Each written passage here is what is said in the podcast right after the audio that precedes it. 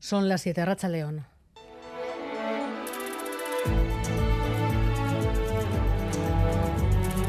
Gambara con Arancha García.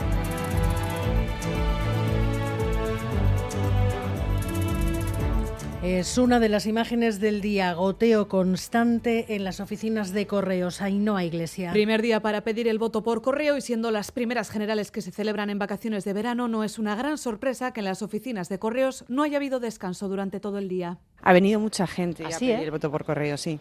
Y es que salvo algunos amantes del todo a última hora, el resto tiene ya las vacaciones organizadas. Yo me iba de viaje justo el 22 de julio, que estamos todos ya pensando en el verano, en irnos de viaje o lo que sea, y ahora nos dicen, no, el 23 de julio tienes que estar en tu localidad y si te toca mesa, pues te fastidiaste. También hay quien, aún sin reservas, quiere cubrirse las espaldas. Ah, porque yo ese día 23 vete a saber dónde estoy. Sí, sí, posiblemente esté fuera de San Sebastián, porque hoy se nos han terminado las clases, o sea que bueno, por si acaso para estar libre. Ahora, mi hija, por ejemplo, está muy enfadada, porque ellos ya tienen programado el verano y aunque lo hagan el voto por correo, no saben si les van a llamar para la mesa. Conclusión, es más que previsible que las peticiones de voto por correo superen con creces las del pasado 28M. Fueron más de 72.000 las personas que votaron así en la comunidad autónoma vasca y Navarra. Veremos si se baten incluso récords. Se puede pedir hasta el 13 de julio en las oficinas de correos con el DNI o en la web de correos con DNI electrónico. Eso sí, es importante recordar que votar por correo no nos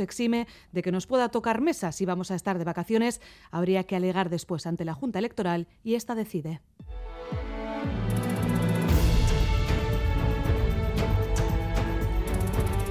Hoy también la primera lectura del Endacari Urcullu de los datos del domingo. Se ha generado, ha dicho, un clima de protesta social que ha perjudicado al PNV. Aquí en Euskadi vivimos en una comunidad autónoma en la que algunos se jactan de que seamos la comunidad autónoma líder en huelgas, en manifestaciones, en protestas. El 50% de las huelgas que se dan en el conjunto del Estado se dan en Euskadi. Cuando Euskadi es la comunidad puntera en parámetros, en indicadores, en renta per cápita, Por cierto, el Endacari ha aclarado que no está pensando en adelantar las elecciones, serán cuando tocan dentro de un año. Dos días después de las municipales y forales, lo que empiezan a definirse ya son los ejes de los pactos. Primer eje, el eje PNV-PSE. Los dos partidos dispuestos a renegociar el pacto global de la última legislatura. En Gambara entrevistamos en una hora al líder de los socialistas guipuzcoanos, pero esta mañana ya en Boulevard, Antonio Ortúzar ha adelantado que si el pacto pasa, por ejemplo, por hacer alcaldesa de Gasteiz a la candidata socialista, lo harán. Segundo eje, el Partido Popular. Núñez Entra en escena y confirma que el objetivo de sus votos va a ser para parar a EH Bildu. Pongo desde ya los votos de mi partido al servicio del constitucionalismo para retirar a Bildu cualquier posibilidad de gobierno. Creo que su subida es una preocupación para todos porque nadie puede descartar que ese partido compita con la Lendakaricha el año próximo. Y el tercer eje, EH Bildu, no ha trascendido sin sus contactos con el resto de partidos, los que ha iniciado ya, por ejemplo, las candidatas a la Diputación de Guipúzcoa, a la Alcaldía de Gasteiz, han hecho alguna oferta concreta, pero sí que buscan la contradicción en el PNV y en el PSE, precisamente en si llegan a aceptar los votos del Partido Popular. Mayalen Iriarte. Jai dermentzazak berak ala esan zidan neriatz ba, bueno, ba, zilegitasun osoa dauka beinta berriro esan dute entzuketarik eta bat egin dutela, bueno, ba, entzun herritarrek zer esan duten. Y mientras en Navarra el PSN trata de salir del marco que le haría responsable de que UPN siga en la alcaldía de Iruña si no vota a Joseba Sirón. Ni el candidato regionalista ni al de AH Bildu, el Masaiz propone una tercera vía con Gueroa Bay y contigo Navarra, aunque los votos no le den. Necesita de EH Bildu y su candidato, Asirón, y ha dicho que no cuente con ellos hoy en Arangoa. No hay terceras vías, no están ni estarán sobre la mesa. El candidato de H. Bildu, Joseba Sirón, cierra la puerta a dar su apoyo a la socialista El Masaiz y reivindica la alcaldía de Pamplona para EH Bildu porque ha sido la fuerza progresista más votada y con diferencia defiende a Sirón que les corresponde liderar las negociaciones para un acuerdo. De hecho, anuncia que, haya, que ya ha dado los primeros pasos para contactar con el resto de grupos progresistas para sondear las posibilidades de conformar un gobierno de izquierdas y plural en Iruña, dice que lo intentará hasta el último minuto, aunque no aclara si esto condicionará la negociación del gobierno de Navarra. Pero además el tsunami del adelanto electoral ha terminado con Ciudadanos, que definitivamente no se presentará a las elecciones de julio y parece que también va a cambiar la estrategia de Esquerra Republicana de Cataluña. Meses después de romper con Junts, el desgaste evidenciado en las municipales ha hecho que el presidente invite ahora a los exconvergentes a un frente común ante la posibilidad de que Pepe y Vox lleguen a Moncloa.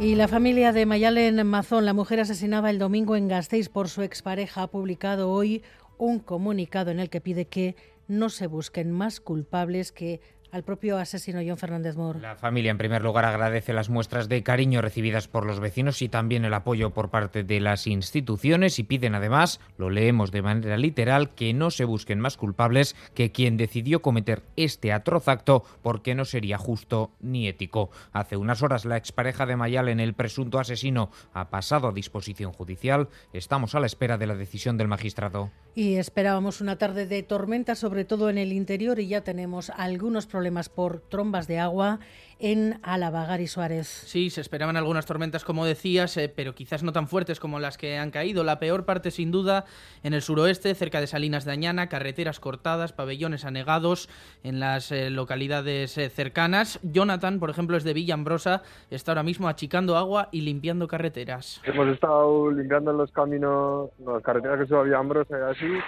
porque por los sedimentos de tierra que se han quedado cortadas las carreteras. Han hundido todos los ribazos y es que han caído unos 85 litros por metro cuadrado en 25 o 30 minutos.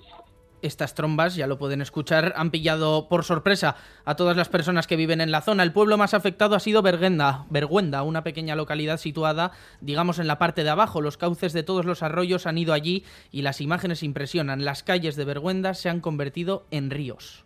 Pues Berguenda ha salido salir el arroyo de la carretera y bueno, toda la carretera que sube a Villambrosa está todo, entre Berguenda y Alceo debe estar todo medio cortado.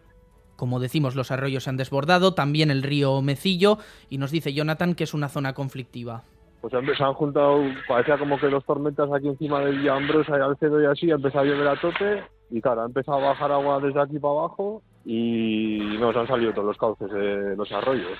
Recordar que en el interior de Vizcaya, eje del Ebro, interior de Guipúzcoa, Álava Central, seguimos en aviso amarillo por precipitaciones intensas hasta las 9 de la noche. De momento, achicando agua en esa zona del interior de Álava. En carreteras, un punto con problemas en la N636, en el Orrio, en el Alto de Campázar. Un camión ha perdido el remolque. La carretera está cortada en sentido Arrasate. Eso sí, se está dando paso alternativo N636, Alto de Campazar. Y los deportes, John Zubieta, León. Hola, León. El Vasconia no puede fallar en el segundo encuentro de los playoffs para el título. Se mide en Badalona a las 9 al Juventud, que le robó el factor cancha en la cita del Hues Arena.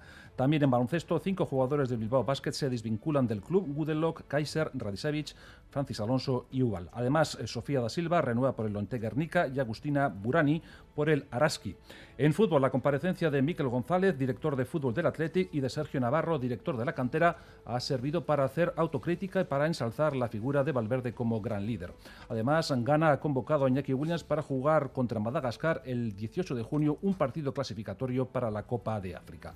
En pelota, la décima edición del torneo Vizcaya contará con 24 pelotaris distribuidos en seis equipos en tres modalidades, con la novedad de la presencia de Iker Larrazábal. Y en ciclismo, Richard Carapaz se ha impuesto en la tercera edición del Mercantour Classic Alpes Marítimos.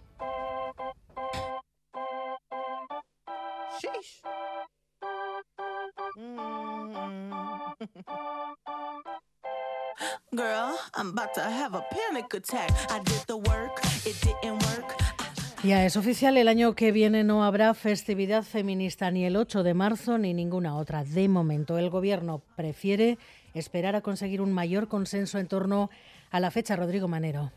El 8 de marzo del año que viene no será fiesta en Euskadi y tampoco habrá de momento otro día festivo dedicado a la mujer. El Departamento de Trabajo que dirige Idoia Mendía ha decidido aplazar el debate hasta 2025, visto el rechazo que había suscitado su propuesta de colocarlo el 8M.